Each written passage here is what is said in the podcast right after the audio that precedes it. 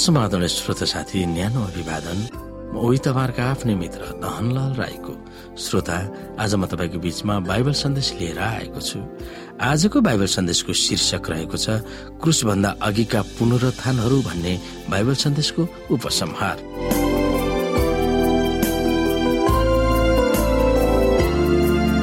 श्रोता साथी हामीले अगाडिको अध्यायहरूमा लाजरस बिउतेको कुराहरू हेर्दै आइरहेका छौँ। अनि यसुले घोषणा गर्नुभयो पुनरुत्थान र जीवन म नै हुँ। जसले मलाई विश्वास गर्छ त्यो मानिस मरे पनि जीवित हुनेछ र प्रत्येक बाँचिरहेको व्यक्ति जसले मलाई विश्वास गर्छ त्यो कहिले पनि मर्दैन। के तिमीले विश्वास गर्छौ? अनि यसुले थप्नुभयो यदि तिमीहरूले यो विश्वास गर्यो भने तिमीहरूले परमेश्वरको महिमा देख्नेछौ। मार्थाले विश्वास गरिन् र उनको भाइको पुनरुत्थानमा उनले परमेश्वरको महिमा देख्न पाएकी थिइन्। परमेश्वरको वचनले जीवन सृष्टि भयो। भनेर बाइबलले हामीलाई बताउँदछ उत्पत्तिको पुस्तकमा। र उहाँकै वचनले जीवनलाई फेरि सृष्टि गर्न सक्नुहुन्छ। जसरी लाजरसको मामिलामा हामी देख्छौ छोटो प्रार्थनापछि यसुले आदेश दिनुहुन्छ लाजरस बाहिर हो त्यसै बेला त्यहाँ उभिएका मानिसहरूले परमेश्वरको जीवन दिने शक्ति देखेका थिए। त्यही शक्ति जसले बोल्नु हुँदा संसारको उत्पत्ति भयो र त्यही शक्तिले अन्तिम युगमा हुने पुनरुत्थानमा मरेकाहरूलाई बोलाउनु भएर जीवन दिनुहुनेछ। लाजरसलाई बिउताउनु भएर यसुमा मृत्युको शक्तिलाई परास्त गर्न सक्नुहुन्छ भनेर प्रमाणित गर्नुभएको थियो। हामीले सबैजना मर्छौँ तर परमेश्वरले हामीलाई पुनरुत्थान गर्नुहुनेछ जस्तो महान महिमाहरू के हुन सक्छ? हामी यहाँनिर यहुन्ना एघार अध्यायको पच्चिस र छब्बिसलाई फेरि पनि हेर्न सक्छौँ। यसोले तिनलाई भन्नुभयो पुनरुत्थान जीवन मने हो। मलाई विश्वास गर्ने मर्यो भने पनि ती जीवित हुनेछ अनि जिउने र ममाथि विश्वास गर्ने प्रति कहिले पनि मर्ने छैन। के तिनी यो विश्वास गर्दछौ? एक अरबमा विश्वासीहरू मर्नेछन् भनेर ठोकुवा गर्नुभएको छ भने अर्को अरबमा उहाँ कहिले मर्ने छैन भनेर यसोले भन्नुभएको छ। उहाँले हामीलाई यहाँ के सिकाउन खोजिरहेको छ? उहाँको वचन अनुसार मृत्यु भनेको अचेत निन्द्रा हो भनेर मृत्युबारे ज्ञान हुनु हाम्रो आस्थाको एक निर्णायक विश्वास पनि हो। हाम्रो भविष्य चिहान होइन माटो र खरानी होइन र अनन्त जीवन हो भनेर उहाँका वचनहरूले हामीलाई कस्तो आशा र सान्त्वना दिँदछ? हामी हेर्दै जानेछौँ। यसुको जीवन आफ्नै हो। कसैबाट सिर्जिएको होइन न त आएको हो। जोसँग पुत्र छ त्यससँग जीवन छ। ख्रिसको ईश्वरीत्व नै विश्वासीहरूले अनन्त जीवन पाउँछन् भन्ने आश्वासन वा प्रतिज्ञा हो। यसुले तिनलाई भन्नुभयो पुनरुत्थान र जीवन म नै हुँ। मलाई विश्वास गर्ने मर्यो भने पनि जीवित हुनेछ।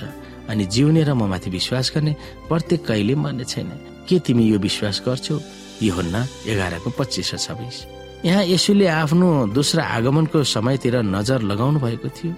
मरेका धर्मीहरू अविनाशी शरीर लिएर बौरी उठ्नेछन् र जीवित धर्मीहरू नासवान शरीरबाट परिवर्तन भएर अविनाशी शरीर लिएर स्वर्ग जानेछन् तिनीहरूले मृत्युको अनुभव गर्ने छैनन्। लाजर्सलाई मृत्युबाट उठाउनु भएर जुन आश्चर्य काम यसुले गर्नुभयो त्यसले सबै धर्मीहरूको पुनरुत्थान हुनेछ भनेर देखाइएको छ। उहाँको वचन र कामहरूले उहाँ पुनरुत्थानको रचनाकार हुनुहुन्छ घोषणा गर्नुभएको थियो। उहाँ जो छिट्टै क्रुसमा मृत्युको सामना गर्नुहुने यसुसँग मृत्युको साँचो साँचोसँग उभिनु भएको थियो। उहाँ च्यानमाथि विजय पाउनुभयो र उहाँमा अनन्त जीवन दिने अधिकार र शक्ति छ भनेर ठोकुवा गर्नुभएको थियो। श्रोता हामी यहाँ केही चिन्तन मनन गरौँ। इलिया र एलिसाका सेवाकालमा धेरै मानिसहरू मरेका थिए। साथै यसुका आफ्नै सेवाकालमा पनि। तर थोरैले मात्र पुनरुत्थान पाएका थिए। सबै मरेकाहरूको विषयमा हामी सोच्न सक्दछौँ। चाहे विगतको समयमा होस् वा यसुको दोस्रो आगमनमा होस् पुनरुत्थान नै हुन्छ भने मृत्युले के फरक पार्छ र? मर्नको लागि मात्रै जन्मिएका मानिसको अर्थ के छ र? भनेर शताब्दीदेखि कतिपय लेखक दार्शनिकहरूले व्यक्त गरेका छन्। अरू कुकुर भेडा बाख्रा गाई भैँसी कुखुरा आदि पनि हामी जस्तै मर्छन् नै तर पशुहरूलाई भन्दा हाम्रो हालत झन् खराब छ किनकि हामीलाई थाहा छ हामी मर्नेछौँ तर पशुहरूलाई मर्छन् भन्ने कुरो थाहा हुँदैन। त्यसकारण पुनरुत्थानको सन्देश हाम्रो निम्ति किन निर्णायक छ त? यदि आत्मा अमर छ र विशेष गरेर मरेका धर्मीहरू स्वर्गमा छ भने युगको अन्तमा हुने पुनरुत्थानको औचित्य के छ यदि कसैले तपाईँलाई सोधेर के यमुना कहाँ छ?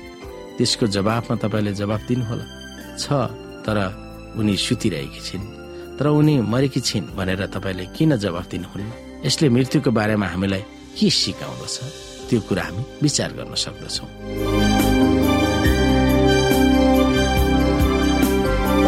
श्रोता साथी आजको लागि बाइबल सन्देश यति नै। हस्त नमस्ते जय मसिंह।